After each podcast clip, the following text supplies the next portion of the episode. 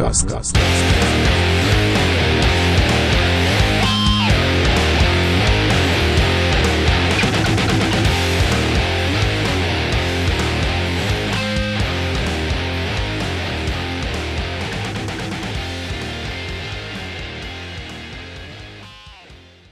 Odcinku podcastu West Ham Poland o nazwie Modcast. Dzisiaj porozmawiamy sobie o spotkaniu z Silkeborgiem pucharowym. Następnie mecz z Manchesterem United i zapowiedź dwóch spotkań. Spotkanie pucharowe ostatniej kolejki w lidze konferencji z FCSB oraz spotkanie z Crystal Palace. Dzisiaj stosujemy rotację niczym David Moyes w lidze konferencji, bo ze mną zamiast Łukasza Papudy jest Krzysztof Hamrol, członek redakcji, redakcji West Ham Poland i nasz stały współprowadzący, czyli Piotr Świtalski. Cześć panowie. Siema, siema. Cześć, witam. Spotkamy się w nie najlepszych nastrojach, bo porażce, po porażce 0-1 z Manchesterem, ale może zacznijmy od czwartkowego spotkania z Silkeborgiem. Wgrana 1 do 0. Niezła gra, trochę zawodziła skuteczność. I moje pytanie jest, czy mogliśmy i powinniśmy wygrać to spotkanie wyżej? Piotrek. Zdecydowanie nawet powinniśmy i to nawet nie ma żadnej tutaj wątpliwości, bo to był taki mecz, którego obawiałem się troszeczkę, że, że ten Silkeborg przyjedzie trochę bardziej taki naładowany tymi dwoma zwycięstwami z FCSB i będzie chciał już w Londynie sobie powalczyć o drugie miejsce i wyjście z grupy w lidze konferencji. Ale ten mecz był pod naszą pełną kontrolą. Silkeborg tak naprawdę miał na początku drugiej połowy jeden taki groźny strzał, gdzie Areola dobrze zbił piłkę i w pierwszej połowie już powinniśmy cztery bramki strzelić, ale strzeliśmy tylko, tylko jedną po błędzie, dużym błędzie bramkarza, bo jeżeli nasz bramkarz by sfaulował, sfaulował zawodnika w tak bezsensownej sytuacji, gdzie już Antonio wyganiał siebie, się z piłką za linię końcową, to na pewno było dużo pretensji. Mecz troszkę bez większej historii, ale, ale było to, czego oczekiwaliśmy od takiego spotkania, czyli pełnej dominacji, kontroli. West Hamu zabrakło tylko, tak jak Maciek mówisz, tych bramek, ale, ale cieszy to, że przed meczem czwartkowym w Bukareszcie mamy już pierwsze miejsce i, spokojnie wrócimy pewnie do, do jakichś rozważań na temat Ligi Konferencji już w marcu. Dobrze. Krzysztof, kto był w Twoich oczach man of the match? E, moim zdaniem man of the match był e, Said Benrama. E, naprawdę muszę powiedzieć, że no magik. Nasz, nasz magik w składzie naprawdę było widać luz i polot w jego grze. Bardzo fajnie się to oglądało. Byłem trochę zawiedziony, że został zmieniony tak szybko. Natomiast jestem zdania, że gdybyśmy nie mieli Benramy wtedy na boisku, mogłoby to wyglądać troszeczkę inaczej. E, teraz e, można powiedzieć, że to, to, ten mecz oglądało się dosyć przyjemnie, bo cały czas, e, tak jak Piotrek wspomniał, kontrolowaliśmy poczynania na boisku i tak jakby zagrożenia ze strony przeciwnika było niewiele. Natomiast no, gdzieś ta skuteczność szwankowała i tak jak Piotrek stwierdził, ja też jestem zdania, że powinniśmy wygrać dużo więcej. Moim zdaniem Said Benrama, man of the match.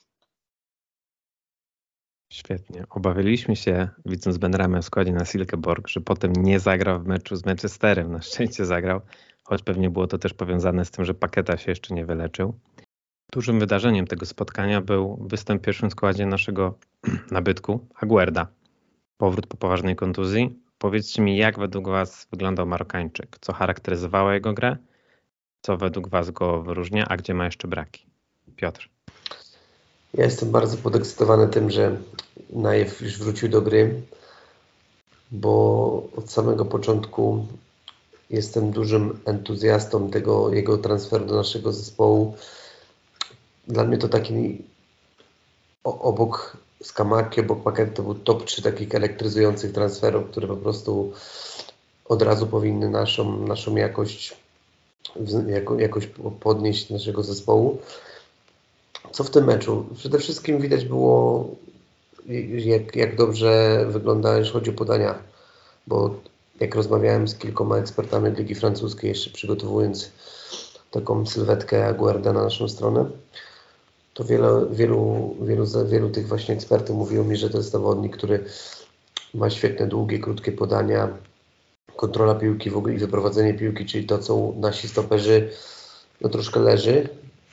W, w, na pewno to się pogorszyło do momentu, kiedy Ogbona kontuzję złapał, bo gdy jeszcze Ogbona grał z Zumą w pierwszej, pierwszej kolejce poprzedniego sezonu, to wygląda dobrze i moim zdaniem uwielbiam Craiga Dawsona i, i cieszę się, że jest w naszym zespole, ale no niestety on ma, ma, ma pewne braki w wyprowadzeniu piłki.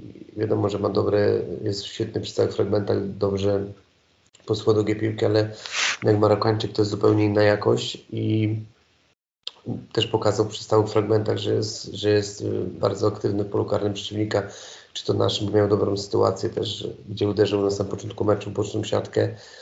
Fajnie, że wrócił i liczę, że, że teraz zagra w Rumunii i że pokaże się z dobrej strony na, na Mistrzostwach Świata, bo tak jak David Moyes przekonywał, nie zobaczymy go raczej w Premier League jeszcze, jeszcze przed Mundialem, ale po Mundialu, jeżeli wskoczy do pierwszego składu, to na pewno będzie duży, duży upgrade względem naszych środkowych obrońców, których mamy i na pewno sporym wzmocnieniem i tylko będziemy dzięki temu silniejsi. Krzysztof, powiedz, jak ty się na, na to zapatrujesz? Czy uważasz, że to jest piłkarz, który nam zapewni stabilizację w obronie na lata? I jeśli tak, to czyim kosztem z aktualnej e, pary środkowych obrońców? Wydaje mi się, że to będzie upgrade i to bardzo duży upgrade, jeśli chodzi o naszą linię defensywy. Ja osobiście y, tak jak Piotrek powiedział, zgadzam się. Craig Dawson, świetny gość, e, niesamowita, niesamowity obrońca skała z tyłu. E, natomiast wiemy, że Craig Dawson chciał opuścić West Ham z powodów personalnych i ja jestem zdania, że to niestety w najbliższej przyszłości nastąpi. Dlatego Aguerd będzie taką naturalną alternatywą na środku i myślę, że para stoperów Zouma E, Aguet to będzie coś, e, coś świetnego, jeśli chodzi o naszą linię obrony. Ogólnie Aguert dużym jego atutem jest to, że jest lewonożny, a, a wiemy jak w świecie piłki jest z tymi lewonożnymi stoperami. Nie ma ich aż tak dużo, tak jak problem przykładowo u nas w reprezentacji z lewymi obrońcami. To jest, jest deficyt na rynku, na rynku piłkarskim i na pewno ta gra, ta gra Aguerda, gdzie będzie wyprowadzał piłkę lewą nogą, gdzie, gdzie obrońca prawonożny gra na, tej, na tym pólewym stoperze, to zazwyczaj, zazwyczaj do środka musi przykładać piłkę na prawą nogę, a to będzie duży, duży komfort. I też dużym plusem jest to, że Aguerd też fajnie może grać w trójce stoperów, może grać jako ten centralny, może grać tak naprawdę jako ten, ten lewy, więc na pewno daje nam to dużo, duży wachlarz jakiś rozwiązań na, przyszłość i, i, i, trzeba czekać, czekać tylko aż to on wróci do pełnej sprawności i odpali, bo takich zawodników, takich stoperów nierzadko my pozyskujemy, choć jeszcze, jeszcze nie zdążył tego pokazać, ale ja oglądałem sporo meczów, czy to, czy to Ren w poprzednim sezonie, czy to w Lidze Konferencji, czy, czy w Ligę. I widać po tym gościu, że, że naprawdę Premier League, w Premier League może wejść z buta, bo nawet Świetnie, świetnie Sven Botman wygląda w Newcastle. Jak rozmawiałem z jednym kolegą, który prowadzi na Twitterze takie konto Trikolorowa Piłka Lidze Francuskiej, pozdrawiam Piotrka tutaj serdecznie, to mówił, że naprawdę to jest gość na, takim, na podobnym poziomie, bądź nawet czutkę wyżej, więc, więc to, to widać już, już z jakim kalibrem piłkarza mam do czynienia. E, tak, jeśli chodzi o Aguerda i tak jak Piotrek powiedziałeś, no on w ogóle porusza się w zupełnie inny sposób. E, świetnie się go oglądało. Ja nie mogłem tego pojąć. Mój mózg tego nie był w stanie jakoś ogarnąć, że mamy piłkarza, który w środku, w środku obrony rozgrywa piłkę lewą nogą. To było coś dla mnie tak nienaturalnego. Tak jak powiedziałeś, jest mało takich zawodników i to będzie po prostu coś. E, widać, że świetnie e, radzi sobie z piłką przy nodze. Ona mu przede wszystkim nie przeszkadza. Miał kilka bardzo fajnych wyjść i prostopadłych zagrań, dlatego myślę, że no, to będzie naprawdę to. Ja bym jeszcze dodał, że wygląda na naprawdę szybkiego obrońcę. Mobilność, zwinność, nie jest klockowaty w ogóle. Także wracając do tego, o czym rozmawialiśmy podczas jednego z poprzednich podcastów, to, że udało nam się kupić Aguerda i Skamakę, czyli piłkarzy wyróżniających się, e, mających ze sobą fantastyczny sezon i piłkarzy, którymi interesowały się znacznie lepsze zespoły, to na pewno duży sukces naszego sztabu transferowego i oby jeden i drugi odnieść sukcesy w naszych barwach. E, powiedzcie mi, czy kogoś jeszcze byście wyróżnili za to spotkanie oraz jak e, waszym zdaniem wypadł Conor Coventry? Bo nie dostaje on wiele szans, dostał szansę w tym spotkaniu. Co myślicie o jego wstępie? Piotrek. Jeszcze do, co do Aguerda, to fajne jest to, że ten gracz był od dwóch lat tutaj u nas tak naprawdę jedynką na liście rzeczy Moisa na, na środku obrony i, i też fajnie przeczytałem The Athletic taki tekst, że mega dużą robotę zrobił Pablo Fornals w tym, że, że on przyszedł do nas. Nie wiem na jakich relacjach oni żyją, bo chyba nie grali razem nigdzie w, nigdzie w klubie, ale super się stało. I też fajne jest to, że jeżeli widzieliśmy tak naprawdę ciutkę jego, jego umiejętności w tym spotkaniu z Silkeborgiem, to, to naprawdę, jeżeli już tak się jaramy, to, to naprawdę może być tylko jeszcze lepiej. Ale, to, ale to, wracając do Twojego pytania, to tak jak Krzysiek mówił, na pewno Benrama. Benrama bardzo fajny mecz, widać było, że, żywy, że fajne jest to i pewnie się powtarzam po raz kolejny, fajne jest to, że on super zareagował po tej krytyce od Moisa po meczu z Anderlechtem wyjazdowym, gdzie tam zmarnował dwie sytuacje, gdzie był jednym z najgorszych, jak nie najgorszym zawodnikiem naszej drużyny. W końcu wrócił na, wrócił na te odpowiednie tory i, i fajnie, że też dostał szansę na Old Trafford, bo z Moisem to wiecie jak jest, że raz, raz grasz, raz nie grasz, raz, raz zagrasz super mecz, później cię chowa do szafy na, na, na miesiąc i tyle. Ale na pewno Bedrama na plus, a co do Conora Coventry'ego, to właśnie takie mecze są dla niego super, bo, bo jak, gdzie masz sprawdzić takiego zawodnika, który no, okay, jest rotacyjnym, jest czwartym na swojej pozycji u nas, u nas w klubie, jest tak naprawdę tym 22, 23 zawodnikiem w kadrze. I w takich, z takimi rywalami można jakiś tam zalążek, można jego jakieś próbkę jego umiejętności zobaczyć. I dla mnie się pozytywnie pokazał, ale żal mi troszkę, że w pierwszej połowie tej, te, tego, ten strzał, gdzie fajnie na balansie minął, minął rywala, ciutkę tylko przestrzelił, na pewno mu to też by pomogło, ale to jest ciekawy temat, bo tak naprawdę widząc to, że Conor jest, tak jak mówiłem, czwartym wyborem, jego szanse na grę teraz tak naprawdę no, po, po fazie grupowej zmaleją bardzo, bo ewentualnie pewnie dostanie szansę w jakichś pucharach, bo wiemy ile, ile Flynn Downs musiał czekać na swoją szansę, a Conor jeszcze jest, jeszcze jest w kolejce za, za Flynnem, więc to, to na pewno teraz jest, jest taka zagwozdka dla Moisa, dla, dla niego, co z jego przyszłością, bo Irlandczyk ma kontrakt do końca sezonu i nie zdziwiłbym się, gdyby, gdyby w styczniu odszedł z klubu bo myślę, że jeżeli jest w takim wieku, ma ambicje, żeby grać w pierwszej reprezentacji Irlandii, ma ambicje, żeby być podstawowym zawodnikiem w, w klubie, w którym występuje, to bardzo możliwe, że takim optymalnym wyjściem będzie się pożegnanie, chyba że, chyba, że gdzieś Mois jednak go namówi i będzie chciał, żeby został, bo, bo wiemy, że Rice może odejść po, po, za rok, może nie wiadomo jak będzie z Sołczkiem, jeżeli będzie bez formy, więc ta te zmiany w środku pola mogą nastąpić, ale mi bliżej jest opinii, że może odejść. Ale mecz na plus i myślę, że, że w Rumunii kolejne 90 minut powinien dostać i, i zobaczymy, jak to będzie wyglądało dalej. Ja tylko uzupełnię, że Aguert i Fornals zdają się z Malagi, bo mm, Marokańczyk był tam na testach. W końcu nie dostał angażu, ale Fornals w tamtym czasie występował właśnie w Maladze i kontakt utrzymali do dzisiaj. Okej, okay, no to super. I Stąd taka jest historia jak znajomości. Krzysiu, powiedz, czy ty byś kogoś jeszcze wyróżnił na plus, czy ktoś cię zawiódł i co myślisz o występie Conora? Ja jestem zdania, że Conor Coventry zagrał bardzo fajny mecz.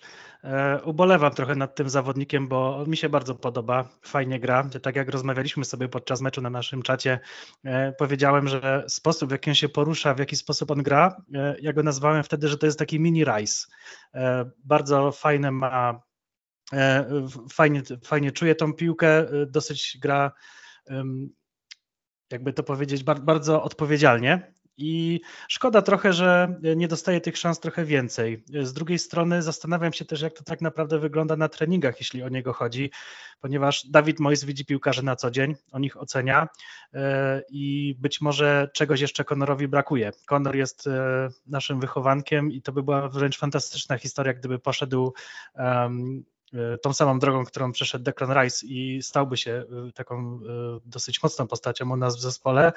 Natomiast z jeszcze innej strony widzimy, jak Conor radził sobie na wypożyczeniach, nie zawsze wyglądało to tak super, więc być może David Moyes ma rację i tak na dobrą sprawę pozostanie tym piłkarzem numer 4 w kolejce do wejścia na boisko i pozostaną mu raczej takie mecze powiedzmy mniejszej wagi bądź gdzieś jakaś taka głęboka rotacja, E, ale też e, ja mam e, problem trochę z tym piłkarzem i z tym, ile on gra, ponieważ z drugiej strony powiedziałem, że Davis Moyes widzi piłkarzy na treningach i jest w stanie tak jakby ocenić, kto tam się jak nadaje.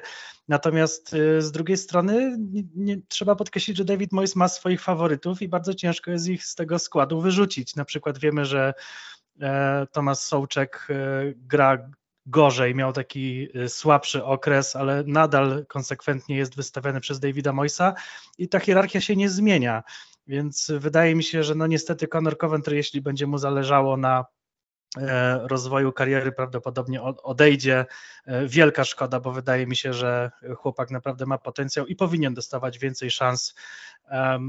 Dostaje je oczywiście w lidze konferencji, natomiast y, ja jestem zdania, że może powinien e, zagrać trochę lepiej. Z piłkarzy, którzy jeszcze mi się bardzo podobali, to był Flynn Downs. On wszedł, e, został zmieniony w końcówce, ale muszę przyznać, że e, bardzo mi się podoba jego pewność siebie i to zostaje nagradzane. Tak jak Piotrek powiedział, musiał swoje poczekać, żeby zacząć dostawać swoje szanse, ale zaczyna tak jakby być wystawiany i ja widzę, że to jest, to, jest, to że on wychodzi, to to jest nagroda, bo E, nie mogę się naprawdę do niego przyczepić, też gra bardzo odpowiedzialnie, ale też e, przebojowo.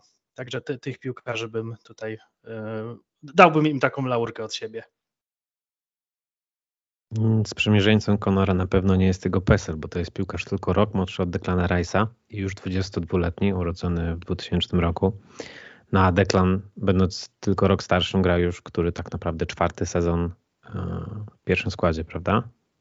Wydaje mi się, że czwarty albo nawet piąty, chyba pięć de, de, Declan debiutował w 16-17 w ostatniej kolejce, ale, ale na, od 2017-18, gdzie, gdzie Bilic go, go wprowadzał i później mój, mój to kontynuował, czyli 17, 18, 19, 20, 21, szósty sezon taki na, na seniorskim poziomie, no ale też też patrzmy na, jak Flynn Downs jest też rok starszy, jest w wieku Rice'a i zobaczcie też, jaki, jaki nawet taki Downs ma bagaż, nawet w Championship, czy, czy w niższych ligach, czy jak grał w Ipswich, jaki ma bagaż doświadczenia, jaki ma, ma Coventry, bo Coventry troszkę, troszkę się zasiedział.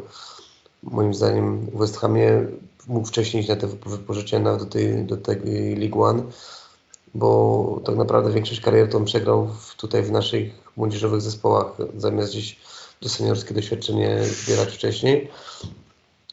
Ale, ale na pewno na pewno Conor fajne jest w nim to, że no jest takim zawodnikiem West Hamu z krwi kości. Nawet w wywiadzie, jak wrócił z tego wypożyczenia do MK Dons, mówił, że to jest jego największym życiowym marzeniem i celem to, żeby po prostu w swoim kochanym klubie się przebić. Fajnie, fajnie że dostał szansę zostania w tej karze, bo to też było niepewne też były, były dywagacje na temat tego, czy, czy Conor zostanie w tym West Hamie, czy gdzieś w końcówce jakieś wypożyczenie, czy może już transfer definitywny, ale ostatecznie został i, i myślę, że, że po, po mundialu dopiero jakieś decyzje pewnie zapadną co do jego przyszłości. Irlandczyka prawdopodobnie zobaczymy 3 listopada w naszym ostatnim meczu Ligi Konferencji Europy z FCSB. Powiedzcie mi, czy jakiego składu się spodziewacie? Czy myślicie, że Aguert znowu wstąpi w wyjściowej 11? I też chciałem was spytać, czy według was jest szansa, że mm, Harrison Ashby pojawi się w składzie? Jego historia jest trochę zagmatwana. Jak to widzicie? Piotr? Ja, myśl, ja myślę, że Aguert to 100%, bo Aguert jedzie na mundial Aguert już pokazał, że, że te 70 tam parę minut zagrał to już mógł po prostu spokojnie sobie, sobie zagrać. Ta kontuzja, ta rehabilitacja nie była na takim etapie, żeby, żeby jeszcze jakieś w krótszym wymiarze czasowym grał, więc musi łapać tą pewność siebie, musi łapać minuty przed mundialem i myślę, że to jest pewnie jak na 100%. Conor to jest drugi zawodnik. Obstawiam, że, że Mois pojedzie, bo kilku, może siedmiu, ośmiu zawodników takich z pierwszego zespołu, którzy grają regularnie, czy to z ławki, czy to, też, czy to w pucharze, czy to w lidze pojedzie, a resztę to po prostu sobie, sobie jakby odpuści i, i weźmie młodzież, bo ten wynik nie jest, nie jest istotny, a mamy cztery, cztery spotkania jeszcze w, jeszcze w listopadzie i na pewno ta świeżość piłkarzy jest potrzebna, szczególnie przed tymi meczami dwoma w Premier League, bo po porażce z Manchesterem te punkty będą mega ważne, żeby mieć taki komfort i spokój przed, w trakcie tej długiej przerwy, bo jeżeli byśmy przykładowo mało punktów zdobyli, byli gdzieś tam blisko strefy spadkowej, to na pewno ten morale i komfort pracy był gorszy. A co do Ashbiego, to bardzo bym chciał, chociaż patrząc na to, że mamy tylu prawych obrońców, Kerer gra na prawej obronie, mamy, Johnsona, mamy Cofala, którzy też muszą swoje minuty wybiegać, to będzie, to mo, mo, może być problem, choć, choć jest to możliwe, że, że zagra. I być może jeżeli zagra, to będzie jego ostatni występ w West Hamie, bo jakoś nie ma pozytywnych wiatrów na to, że, że przedłuży ten kontrakt, że zostanie. Rywalizacja w klubie jest duża na prawej obronie i też spodziewam się tego, że raczej odejdzie, a jeżeli byśmy chcieli jakieś pieniążki jeszcze na nim zarobić, to pewnie już w styczniu. No i możliwe, że tego Newcastle, choć tam Leeds United też go bardzo chce i okaże się, czy to będzie dobra decyzja, czy nie dobra decyzja, ale, ale co do jeszcze do składu, to spodziewam się właśnie takich zawodników jak, nie wiem, Kenan Appiah Forson, czy Freddy Potts, może David Mubama, może ten Callum Marshall, który robi furorę w młodzieżowych zespołach. zespołach. Moje jest nie ze stracenia w tym spotkaniu, to jest, tak, to jest porównywalna skala meczu, taka jak graliśmy z Dynamo Zagrzeb w tym sezonie, to jest, to jest czas dla tych młodych zawodników, choć nie mamy ich dużo teraz w klubie, bo wiemy, też rozmawialiśmy w ostatnim podcaście o tym z Wiktorem właśnie, bo pytał o tych młodych zawodników, jest sporo tych graczy, którzy są na wypożyczeniach i tak naprawdę to, to widać po wynikach w Premier League tu naszego zespołu, gdzie dostajemy w łeb za to wypuszczenie od każdego. Nie ma tych młodych zawodników, takie to wpuszczenie jak było Koflex, czy tam był był jeszcze Sonny Perkins czy inni zawodnicy. Może Pierre Ekła, który, który też jest tam kapitanem w tej, w tej drugiej drużynie i, i też ma ambicje, żeby, żeby grać w seniorskim West Hamie w pierwszej zespole, więc spodziewam się kilku graczy takich rotacyjnych, starszych i, i większość to będzie uzupełnienie, to będzie młodzież. Tak, ja jestem zdania, że Coventry i Aguert to jest mus, Aguert y, z racji tego, że faktycznie wybiera się na ten mundial i e, musi łapać minuty, musi łapać e, formę meczową.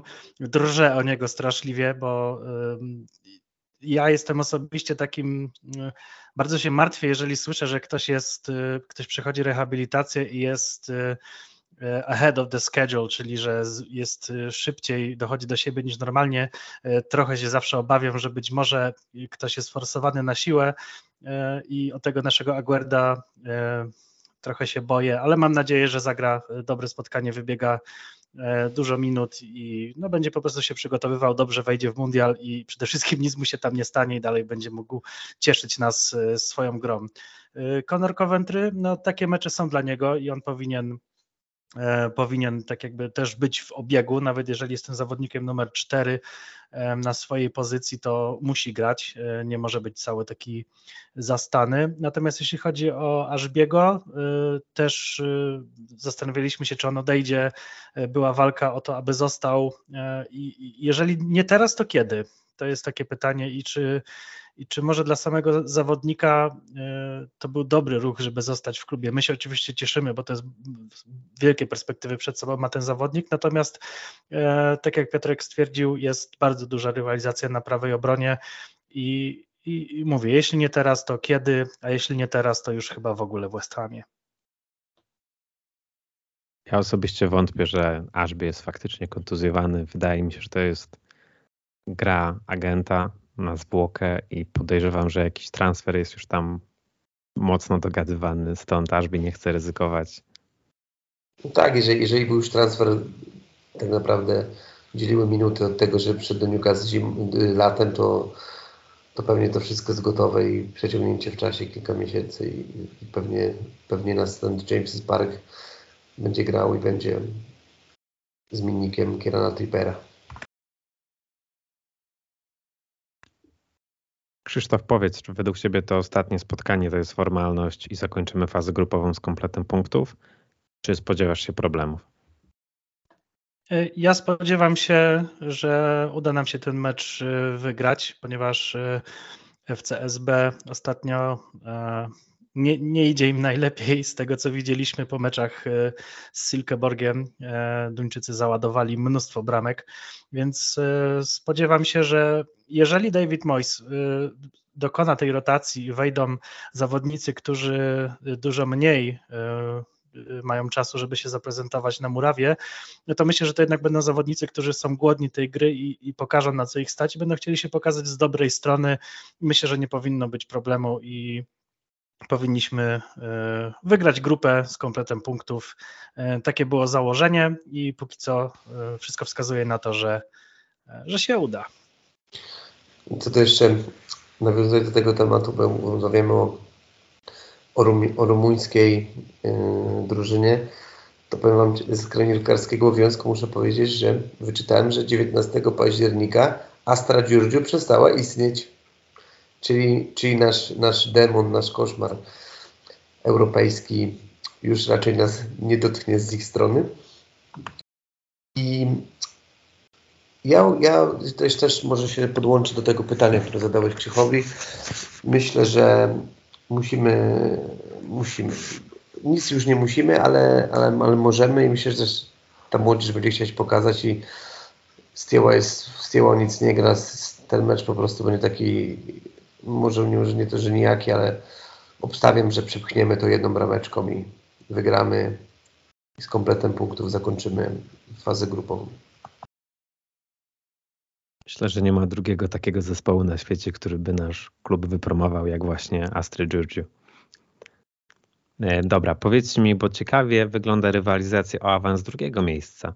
Przed rozgrywkami wydawało się, że to Anderlecht będzie mm, dla nas najgroźniejszym rywalem, a to właśnie duński zespół, o którym rozmawialiśmy w poprzednim podcaście, e, cały czas ma realne szanse o awansu. I, i kto według Was wyjdzie z tego drugiego miejsca? Piotrek. Moim zdaniem Sirkeburg, ja na Duńczyków stawiam. Oni są groźni u siebie. Anderlecht jest, jest zdecydowanie pod formą, co pokazał ten dwumer z nami, co pokazało ostatnie spotkanie też z FCSB. Duńczycy grają u siebie, stadion ich poniesie, mają też to sztuczna, tą sztuczną murawę, gdzie drużyny takie jak West Ham, Anderlecht nie są do tego przyzwyczajone, to też będzie ich atut. I obstawiam, że, że jednak, że jednak Silkeborg awansuje i, i będzie grał na, na wiosnę w, dalej w europejskich pucharach. Tak, ja też myślę, że Silkeborg przejdzie dalej. E, przede wszystkim dlatego, że mają atut własnego boiska i tego niesamowitego dopingu. Bardzo fajna atmosfera u nich na stadionie. I bardzo podoba mi się to, w jaki sposób e, Duńczycy operują piłką. E, to w ogóle wywarło na mnie takie wielkie wrażenie, jak graliśmy z nimi, czy to w pierwszym, czy to w drugim meczu. Nawet w sposób, w jaki oni wyprowadzają piłkę od tyłu. Tam nie ma jakiejś długiej lagi do przodu, tylko jest bardzo fajnie budowana akcja, szybkie podania, wymienność pozycji. To jest coś naprawdę fajnego fajnie się ogląda tą drużynę, aż przykro by było, gdyby nie wyszli z tego drugiego miejsca. Zgadzam się z Wami. E, Silkeborg jest jednym z klubów, którym zacząłem sympatyzować właśnie obserwując ich meczu z nami, słuchając naszego gościa w poprzednim podcaście, e, Wiktora, który opowiadał o nich. Oby też, ich. Hmm? Tak, i też, też pamiętajmy, że im remis wystarczy, bo mają punkci przewagę nad Relektem, więc oni nie muszą tego meczu wygrać. Wiadomo, że to jest złudne, bo jeżeli grasz na remis, to zazwyczaj dostaniesz w czapkę. Coś o tym wiemy. Tak, dokładnie. No, dokładnie ostatnio się na własnej skórze przekonaliśmy nieraz, ale myślę, że Silkeborg spokojnie obstawiam, nawet jakbym miał postawić ten mecz w Bukmacher, u Bukmachera, to bym postawił, że Silkeborg wygra ten mecz. Anderlecht w ogóle trochę się obawiałem tego naszego meczu z, z Anderlechtem, bo jednak ta marka trochę nam nie działała, że jednak ten Anderlecht kuperat grał w Lidze Mistrzów, znamy, znamy go po prostu jak, jako silną europejską drużynę ale to już zupełnie jest inny, inny klub, inny zespół i, i myślę, że, że Duńczycy dźwigną to, bo, ale to do tego, co Krzysiek i Maciek powiedzieliście, imponujące na pewno, że grają z takim zespołem jak West Ham i, i nie dostosowują się do West Hamu, tylko cały czas grają tą swoją filozofię.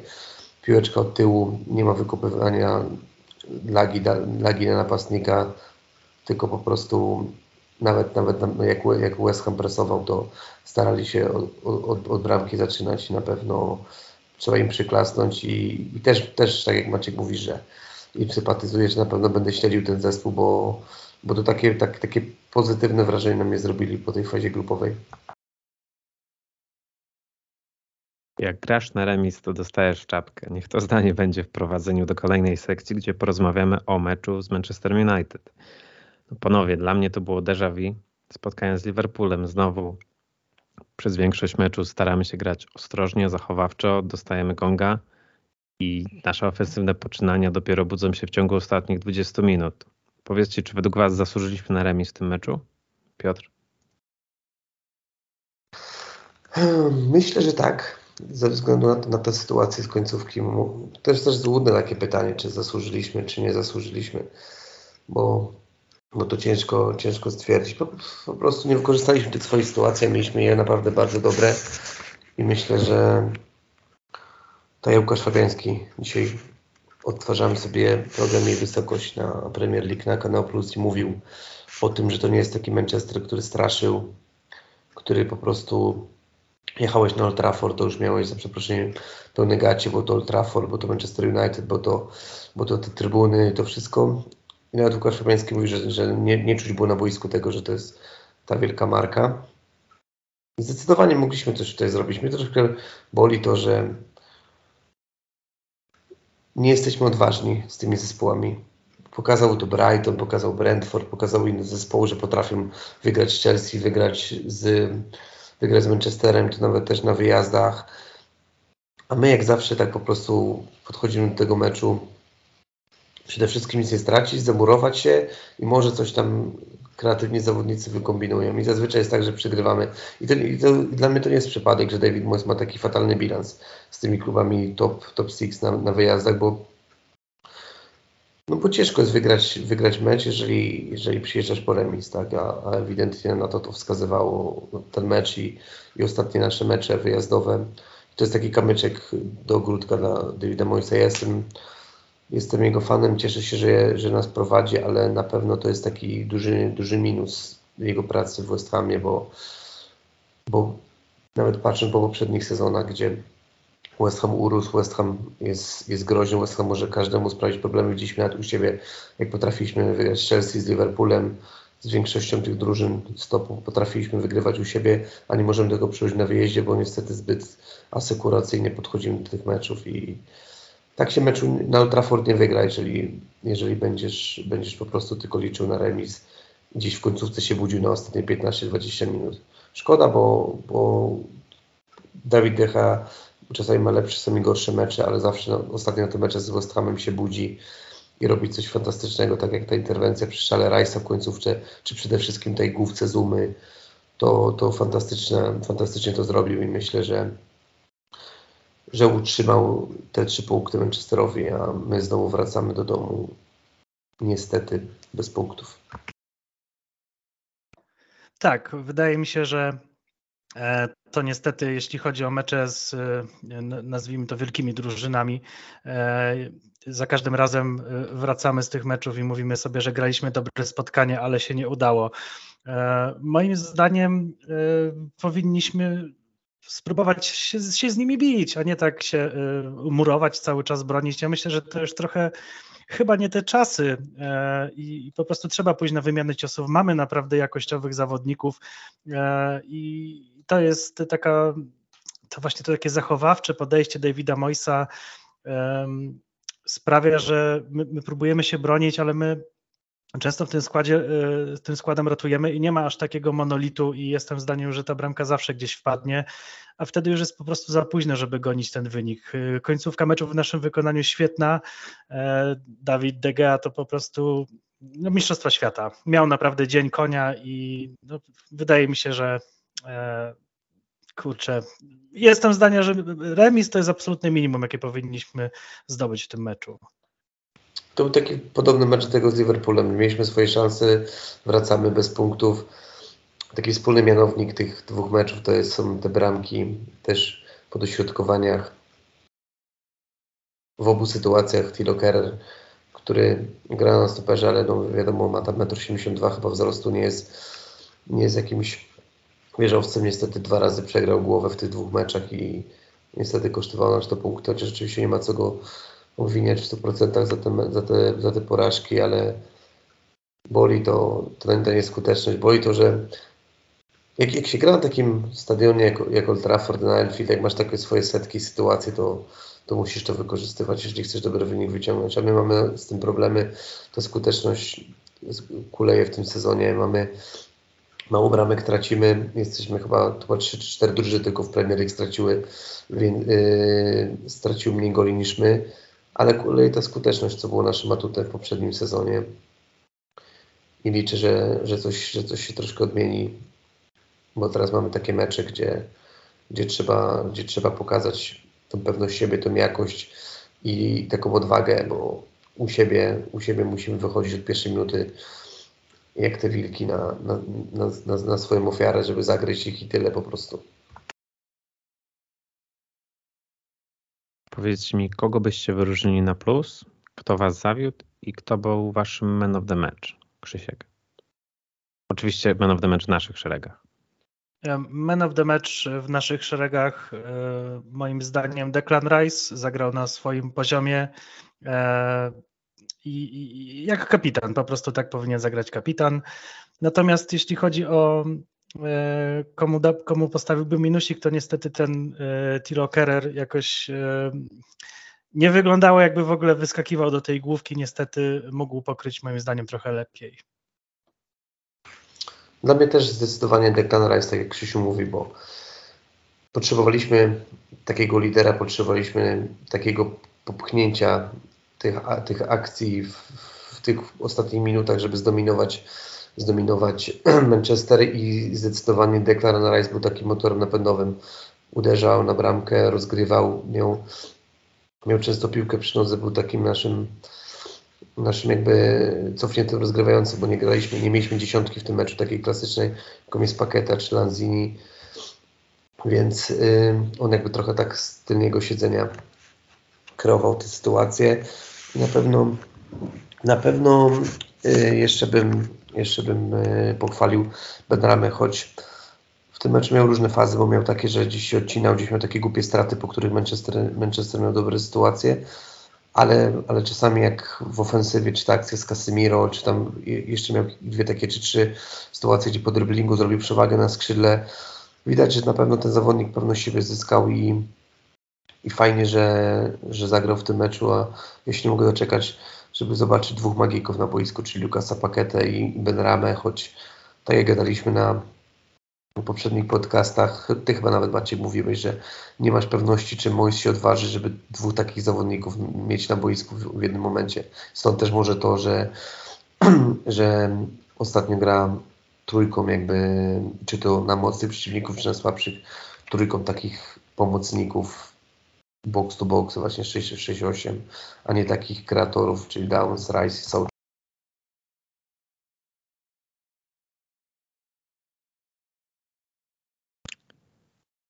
Tak, rozmawialiśmy o tym, że boimy się, że Mois nie postawi jednocześnie na paketę oraz Benramy, że zamiast jednego z nich wystąpi ktoś bardziej odpowiedzialny, prawdopodobnie Fornals, który też chyba nie ma najlepszego okresu w ostatnich tygodniach.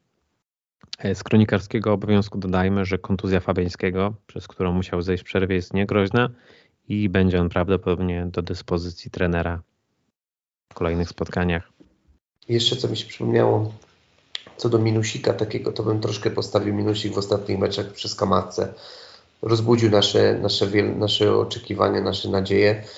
Grał naprawdę super, ale ostatnio troszkę zgasł. I też tutaj może być, tak jak wspólny mianownik był u Kerera, te te dwie bramki stracone, to tutaj, to tutaj może być coś takiego właśnie, że kontuzja pakety, bo widać, że ten duet super, super wyglądał razem w ostatnich meczach. Paketa dawał świetne piłki Włochowi gdy go zabrakło, to ostatnio taki jakiś nijaki jest ten Skamaka. Mało go jest na boisku, jakieś dziwne wybory, ma jakieś dziwne wybory, więc e, tutaj troszkę, troszkę minusik i nie zdziwiłbym się, gdyby Antonio wszedł w, na Crystal Palace od pierwszej minuty. Ale może jeszcze to się nie stanie, ale, ale żeby tak troszkę troszkę pobudzić tego, tego skamarkę znowu, że pokazać, że, że nie jest nietykalny, może, może coś zrobić, bo Antonio dał też niezłą zmianę w ostatnich meczach i, i na pewno liczę, że Skamaka, Skamaka się obudzi może właśnie już przyszły weekend, gdy, gdy wróci, wróci paketa, bo takie są prognozy. E,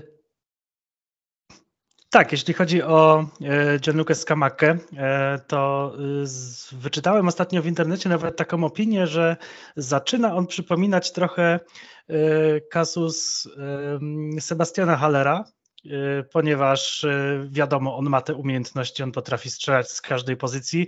Natomiast jak nie ma pakety na boisku, no to wtedy nie ma kto go należycie obsłużyć i wtedy tak jakby trochę gaśnie. Tak, z Hamaka też widać, że potrafi coś zrobić sam siebie, ale to też jest zawodnik, który dobrego serwisu potrzebuje od pomocników.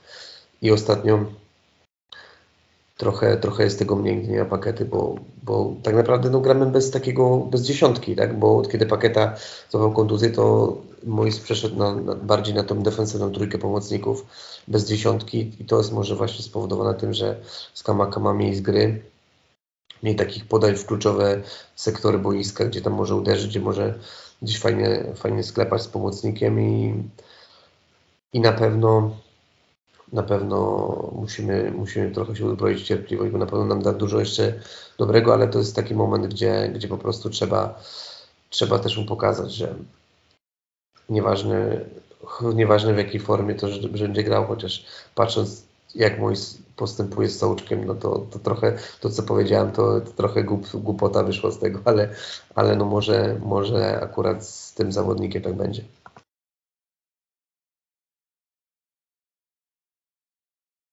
No właśnie, David Moyes.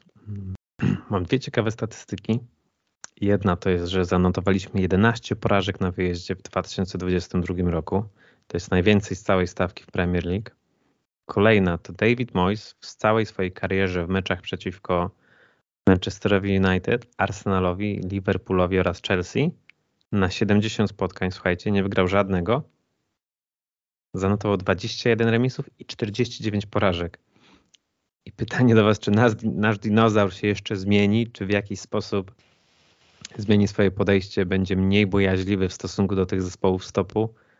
Czy myślicie, że to już jest lost case i, i będzie tak grał do końca swojej kariery właśnie zachowawczo, negatywnie, nastawiając się na remis, a te spotkania z reguły niestety kończą się porażką. Krzysztof, co ty o tym myślisz? Trochę się boję, że y, David Moyes jest y, bardzo uparty, wręcz uparty jak osioł i to może być trochę lost case.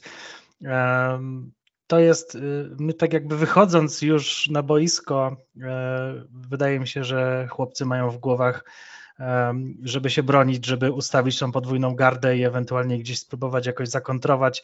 Natomiast y, myślę, że nie tędy droga i my powinniśmy pójść na otwartą wymianę ciosów, no bo tak naprawdę co mamy do stracenia, skoro jeżeli już wychodzimy z założeniem, że trzeba co najmniej zremisować bądź maksymalnie zremisować, no to no to to jest już taka trochę przegrana sprawa. Mi się wydaje, że powinniśmy wyjść, walczyć i bo, bo naprawdę, bo to są zespoły, które to, to, nie są zespoły, które wygrywają każdy mecz. E, każdy ma gdzieś jakiś gorszy dzień. My naprawdę mamy wartościowych piłkarzy, ale troszeczkę się boję, że jednak do Davida Moisa może to nie dotrzeć i jednak gdzieś e, dominuje u niego taka, taka myśl, że lepiej wywalczyć ten punkt, niżeli stracić trzy, ale jak widzimy, jak pokazują statystyki, tracimy wszystkie możliwe punkty i E, moim zdaniem to już taka statystyka, tyle meczy, e, no to już powinno dać mu do myślenia i być może powinien zmienić swoje nastawienie, żeby coś z tego było. Na pewno tragiczna statystyka, a to pokazuje też, te mecze pokazują, że to nie jest przypadek, bo to właśnie jest pokłosie tej odwagi, której gadaliśmy, której w takich meczach wyjazdowych po prostu brak Moisowi. Na pewno mega dziwna statystyka, że na tyle spotkań nigdy nie zdarzyło się coś takiego, żeby, nie wiem, przeciwnik dostał czerwoną kartkę, gdzieś po prostu w, w, na 70 meczów nie przepchnąłeś jakiegoś kolana, nie wiem po, po jakimś stałym fragmencie. To naprawdę jest, jest zadziwiające, że po prostu nawet przypadkiem żadnego meczu nie wygrałeś, nie? bo tak się zdarza czasami, tak? Ale no, to, to, ale to ta statystyka pokazuje, że to nie jest przypadek, tak? Że po prostu David Moyes jakoś nie wiem, czy nie ma wiary w, ten, w swoje zespoły, żeby po prostu na, na tle takiego rywala na wyjeździe są w stanie wygrać, że po prostu chce murować, chce po prostu tylko liczyć na jakiś fart czy coś. No bo tak naprawdę no, przy dobrych wiatrach moglibyśmy iść z tym Liverpoolem i, i z tym Manchesterem wygrać, tak? Bo, bo mieliśmy takie sytuacje. Wystarczyło, żeby błąd strzelił karnego, czy, czy tam jeszcze jedna, jedna sytuacja, Sołczka wpadło, to wygrywasz 2-1 przy dobrych wiatrach, wiadomo, tak? W, w niedzielę było to samo. Zuma strzela, Rice strzela, czy tam Bowen to miał sytuację taką też z 5 metrów, co Maguire, ten nieszczęsny go, go zablokował. I to jest zatrważające, ale pokazuje, że y, to, że no chyba się nie zmieni pod tym względem. Już niestety no, cierpimy na tym moim zdaniem, bo, bo jesteśmy na tyle wartością drużyną, która mogłaby urywać punkty tym najlepszym nawet, na, nawet na wyjazdach, bo to jakoś piłkarska jest, tylko nie ma tej odwagi. A co do tej statystyki tych porażek, no to, to też jest widać, że to się ciągnie trochę od tego początku. To jest temat złożony, tak, bo ciągnie się to od, od fazy pucharowej Ligi Europy, gdzie poprzedniego sezonu, gdzie większość meczów przegrywaliśmy w Premier League, a dobrze radziliśmy sobie, sobie w pucharach. A później kolejna rzecz to, to, są, to jest ten nowy sezon, tak, czyli sporo nowych zawodników, trochę trochę brak tej świeżości w składzie, brak takiej świeżej krwi i to się odbiło czkawką na samym początku sezonu, gdzie sporo meczów przegraliśmy. Ostatnio nie przegrywamy zbyt często, ale przegrywamy nisko, ale no z takimi drużynami właśnie, z którymi niby powinniśmy przegrać na papierze, tak? Czyli Liverpool, Manchester United na wyjeździe, ale zupełnie w inną stronę mogłoby to iść. I jest sporo materiału do, do analizy na pewno ten temat, ale kluczem jest teraz te dwa mecze, tak jak powtarzam się już po raz kolejny, to jest takie, ranga tych meczów jest mega duża w, w ligowych, bo gramy u siebie, gramy z rywalami, którzy są w naszym zasięgu, gdzie trzeba pokazać jakość i determinację od pierwszej minuty, bo na pewno, na pewno przed mundialem trzeba sobie jak najlepszą pozycję ugruntować do, do ataku na wyższą, na wyższą na, na, w ataku na, na wyższe miejsca w tabeli po prostu po mundialu. Też warto zauważyć, że ta statystyka dotyczy Moisa e, również kiedy trenował Everton, gdzie miał naprawdę mocny skład.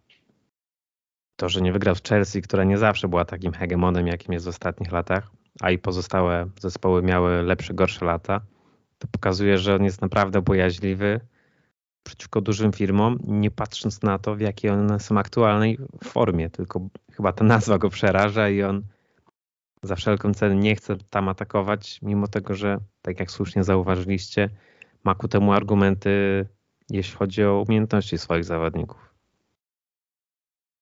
E, tak, Dawid Moyes e, jest e, wyznawcą takiej żelaznej dyscypliny.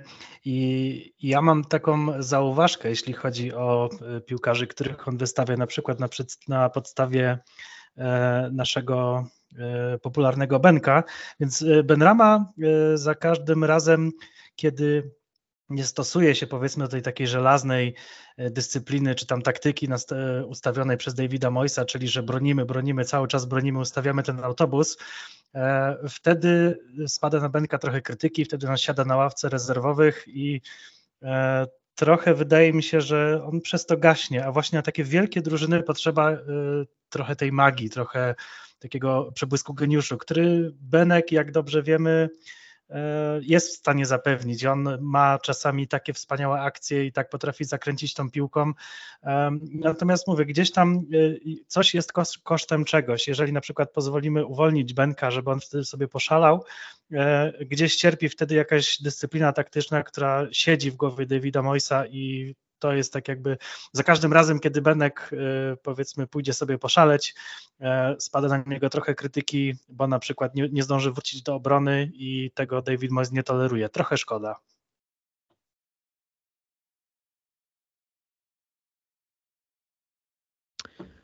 No właśnie, Benrama, jego historia z Moisem to myślę, że materiał na jakiś, jak nie książkę, to przynajmniej dobry artykuł. E, słuchajcie, przed nami mecz z Crystal Palace. Na pewno szansa na zdobycie punktów po ostatniej porażce. Powiedzcie mi, jakich personaliów spodziewacie się w tym meczu? Czy znowu będzie trójka w środku pola? Czy być może jeden z tych raczej defensywnie usposobionych pomocników ustąpi miejsca i już zobaczymy pakiety w pierwszym składzie? Piotr, co o tym myślisz?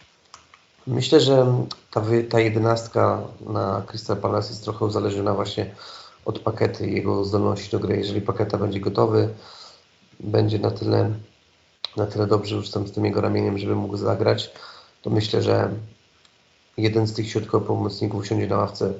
Niestety obstawiam, że to będzie The Downs, choć wolałbym, żeby to był Sołczek, ale trochę to zacieświeżenie Moisa pod kątem właśnie, właśnie czy tego, tego, że Sołczek jest nieważne w jakiej formie to gra, to, to prawdopodobnie utrzyma skład, nawet jak będzie Paketa i Dawson i Downs usiądzie. Spodziewam się, się, się jeszcze myślę, że nie, myślę, że właśnie tak jak teraz składek Manchester United był, czyli, czyli pewnie, pewnie na Crystal Palace zagramy normalnie cztery, czterema obrońcami, w zależności od paketu właśnie tutaj pomocnicy, czyli dwóch albo trzech tych defensywnych. Myślę, że, że Kerer zagra na prawej obronie, na lewej zagra Cresswell. I, I, liczę, że na kolejne jakieś tam fajerwerki od Benramy. Właśnie chciałbym, fajnie jakby Paketa też zagrał i bez zagrania obok siebie, to by było coś fajnego, bo taki kwartet Paketa, Bowen, Skamaka, Benrama to jest coś, na co na pewno wszyscy czekamy, nie tylko, nie tylko nasza trójka, ale większość fanbazy West, West Hamu, bo to są po prostu zawodnicy, na których chcesz na stadion przychodzić, tak? na których chcesz oglądać mecze i to są zawodnicy tacy, którzy jeżeli jakąś fajną chemię złapali, to na pewno mieli dużo, dużo pożytku z tego. Postawiam, że ten skład będzie żelazny, taki, taki nie będzie jakiś tam jakichś wielkich zmian. Ewentualnie może, tak jak wspomniałem wcześniej, Antonio może za skamakę, choć nie do końca jestem przekonany, że tak będzie, ale, ale jakoś z tyłu głowy mam, mam jakąś taką czutkę, że może to się wydarzyć.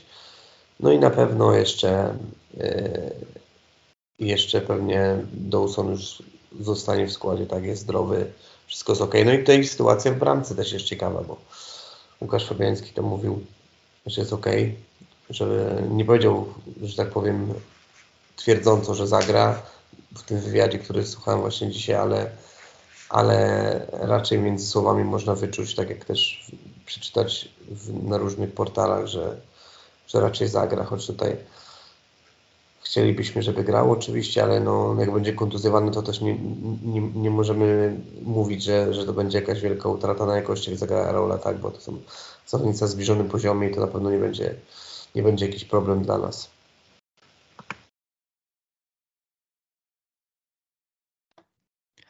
Tak, jestem takiego samego zdania co Piotrek. Jeżeli Paketa będzie zdolny do gry, to prawdopodobnie niestety Flynn Downs e, usiądzie na ławce. Szkoda, ja bym chciał jednak, żeby David Moyes dał e, sygnał zespołowi, że jeżeli ktoś naprawdę ciężko pracuje, ma szansę zagrać, a jeżeli ktoś dołuje, no bo umówmy się, moim zdaniem powinni grać E, aktualnie najlepsi zawodnicy, natomiast e, Sołczek jest tego zaprzeczeniem i e, ta hierarchia się nie zmieniła, więc jeżeli Paketa będzie zdolny do gry, to kosztem Flyna Downsa. Jeśli chodzi o bramkę, myślę, że Łukasz Fabiański i to tyle, jeśli chodzi o zmiany. David Moyes raczej uparcie wystawia ten swój e, pierwszy garnitur i tylko kontuzje e, sprawiają, że zachodzą w nim jakieś zmiany.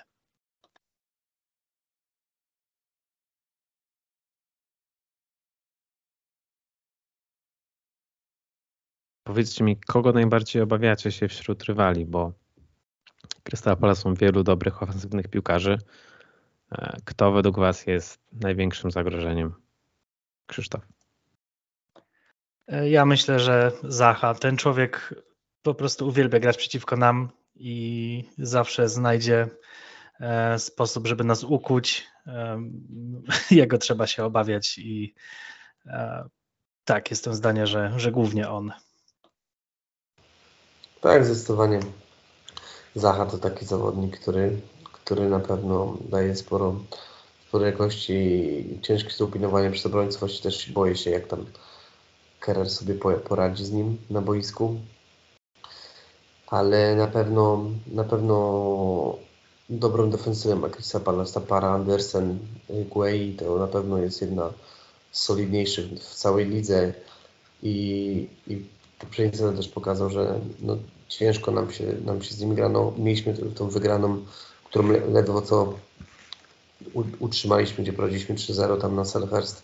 Później dostaliśmy w końcówce dwa gongi i, i tak naprawdę drżeliśmy wynik do końcowych minut. U siebie było, było 2-2, a tam ten błysk Gallaghera nie ma go już w Crystal Palace, ale na pewno to będzie, to będzie taki mecz, że nie będzie, to nie będzie spacerek, że wygramy sobie spokojny mecz, tylko na pewno w każdą stronę może iść wynik w tym meczu. Ja liczę, że wygramy, ale na pewno trzeba się troszkę obawiać Crystal Palace, bo to jest bardzo solidny zespół, chociaż, chociaż troszkę to jest też inny zespół u siebie, inny na wyjazdach, więc trzeba liczyć, że, że wygramy, bo to jest mega, mega ważny mecz, bo jeżeli nie wygramy go, to później już, już te, ta, ta strefa spadkowa już jest coraz bliżej nawet. Te, ok, jesteśmy na 13 miejscu, ale mamy tam 3 punkty na stronę spadkową, więc jakby te drużyny z dołu wygrały, to może się zrobić gorąco. A tego byśmy nie chcieli na tym przerwę, bo mental wtedy inaczej wygląda w drużynie. Ja też wyróżniłbym Ebereciego Eze, który znowu po dość poważnej kontuzji łapie gaz. E, jak pamiętamy, to był cel numer jeden Davida Moisa parę okienek transferowych temu.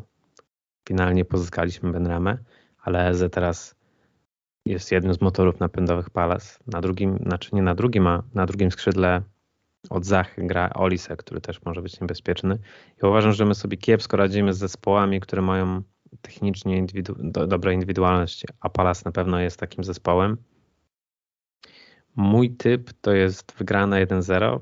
Powiedzcie, jakie wy wyniki typujecie i ile chcielibyście, e, żebyśmy zdobyli punktów w ostatnich dwóch spotkaniach przed przerwaną Mistrzostwa Świata.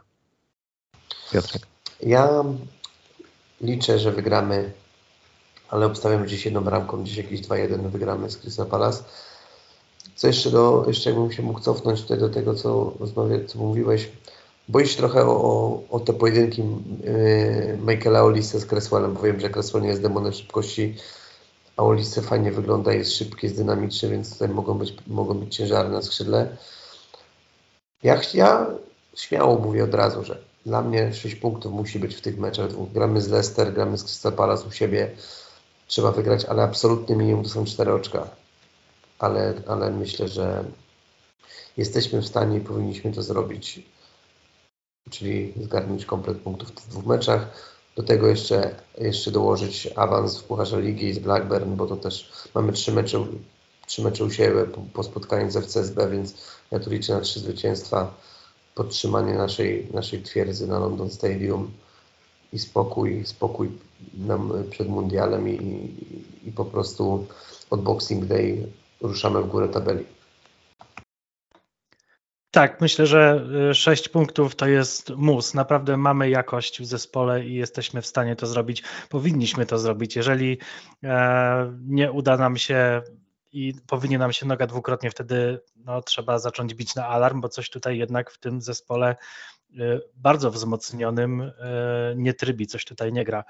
E, co do Crystal Palace i Eber, Eberyczego Eze, kurczę, strasznie ubolewałem, że nie, nie, udało nam się go ściągnąć, ale to jest piłkarz niesamowicie uzdolniony, ale też, co widać, szklany, podatny na kontuzję, więc myślę, że może dobrze, że nie udało nam się go ściągnąć. Ja myślę, że będzie 2 do 1 i niestety Zaha nam coś wsadzi, on uwielbia to robić i zdziwię się, jak nic nie strzeli. Czyli Krzychu mówisz, żeby kupować Zachę fantazy. Tak, myślę, że kupować, kupować jak najbardziej. Na mecze z nami jak najbardziej. Aha, powiedzcie, czy według Was jak w meczach przeciwko Palace oraz, oraz Leicester zdobędziemy powiedzmy 0 albo 1 punkt, to czy wtedy posada Moisa jest zagrożona? Myślę, że nie będzie, może, może inaczej zagrożona może troszkę być, ale myślę, że nie dojdzie do jakichś gwałtownych ruchów. Nawet, nawet jeżeli mamy w perspektywie tyle czasu, żeby na przykład, żeby przykładowo nowy trener przyszedł i miał, miałby czas, żeby po prostu z tą dużą popracować, ale myślę, że to zaufanie z yy, zarządu do Davida Moysa jest tak głęboko zakorzenione, że tutaj by musiało się stać jakaś seria, seria porażek, jakaś, jakaś duża, po prostu gdzieś też widać, żeby było widać po zespole, że on jest rozbity, że po prostu stracił szatnię czy coś takiego dopiero wtedy. Myślę, że, że mogło, moglibyśmy się czegoś spodziewać. Na pewno pogrożę palcem wtedy Mojsowi, jeżeli by takie wyniki, jak Maciek mówisz, były, ale myślę, że tutaj to nic się nie zmieni. Już, już, już, były te dywagacje po meczu z Evertonem, czy powinniśmy go zwolnić, czy nie powinniśmy. On wtedy pokazał, że, że potrafi wstrząsnąć drużyną, potrafi, potrafi jego drużyna zareagować. Widzieliśmy, że naprawdę dobre wyniki osiągaliśmy później. Teraz troszkę się, troszkę ten, te, ten brak uwagi z Liverpoolem, Manchesterem trochę rzutuje negatywnie, ale myślę, że nadal, że nadal ma, ma bezpieczną pozycję na London Stadium David Moyes. Tak, nasz trener e, jest uparty, my o tym wiemy, natomiast e, teraz jest taka sytuacja, że mm, już kiedyś nawet chyba o tym rozmawialiśmy. E, David Moyes ma teraz w drużynie piłkarzy, praktycznie wszystkich piłkarzy, których on chciał pozbył się ostatnio e, piłkarzy, powiedzmy, których odziedziczył, jak przejmował zespół. Teraz ma głównie tych, których on wyselekcjonował, więc e, jestem zdania, dajmy mu pracować. Bardzo świetne wyniki w poprzednich sezonach. Teraz nam trochę nie idzie, ale to jest normalne.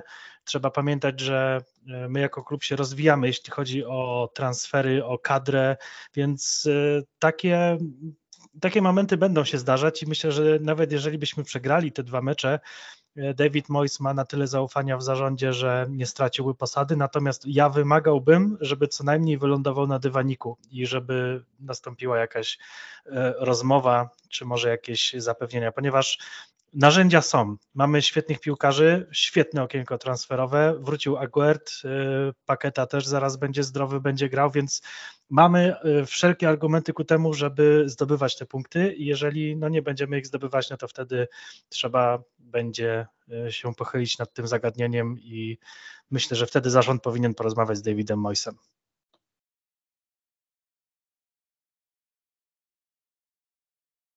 No dobrze, panowie, dobrnęliśmy do końca. Życzę Wam oraz pozostałym fanom West Hamu dwóch zwycięstw w ciągu najbliższych dni, to znaczy w czwartkowym meczu Ligi Konferencji Europy oraz niedzielnym spotkaniu 6 listopada przeciwko Crystal Palace. Ja liczę, że to będzie taki prezent, bo ja 6 listopada mam urodziny, więc chyba muszę napisać do człowieka, który utrzymuje kontakt z naszym fanklubem, żeby przekazał Mojsowi zwycięstwo dla West Ham Poland. To tego chcą kibice. Dziękuję Wam za to, że byliście z nami. Piotr Świtalski, nasz stały współprowadzący. Dziękuję bardzo. Członek redakcji West Ham Poland Krzysztof Hamrol. Dziękuję serdecznie. Dzięki i słyszymy się w przyszłym tygodniu.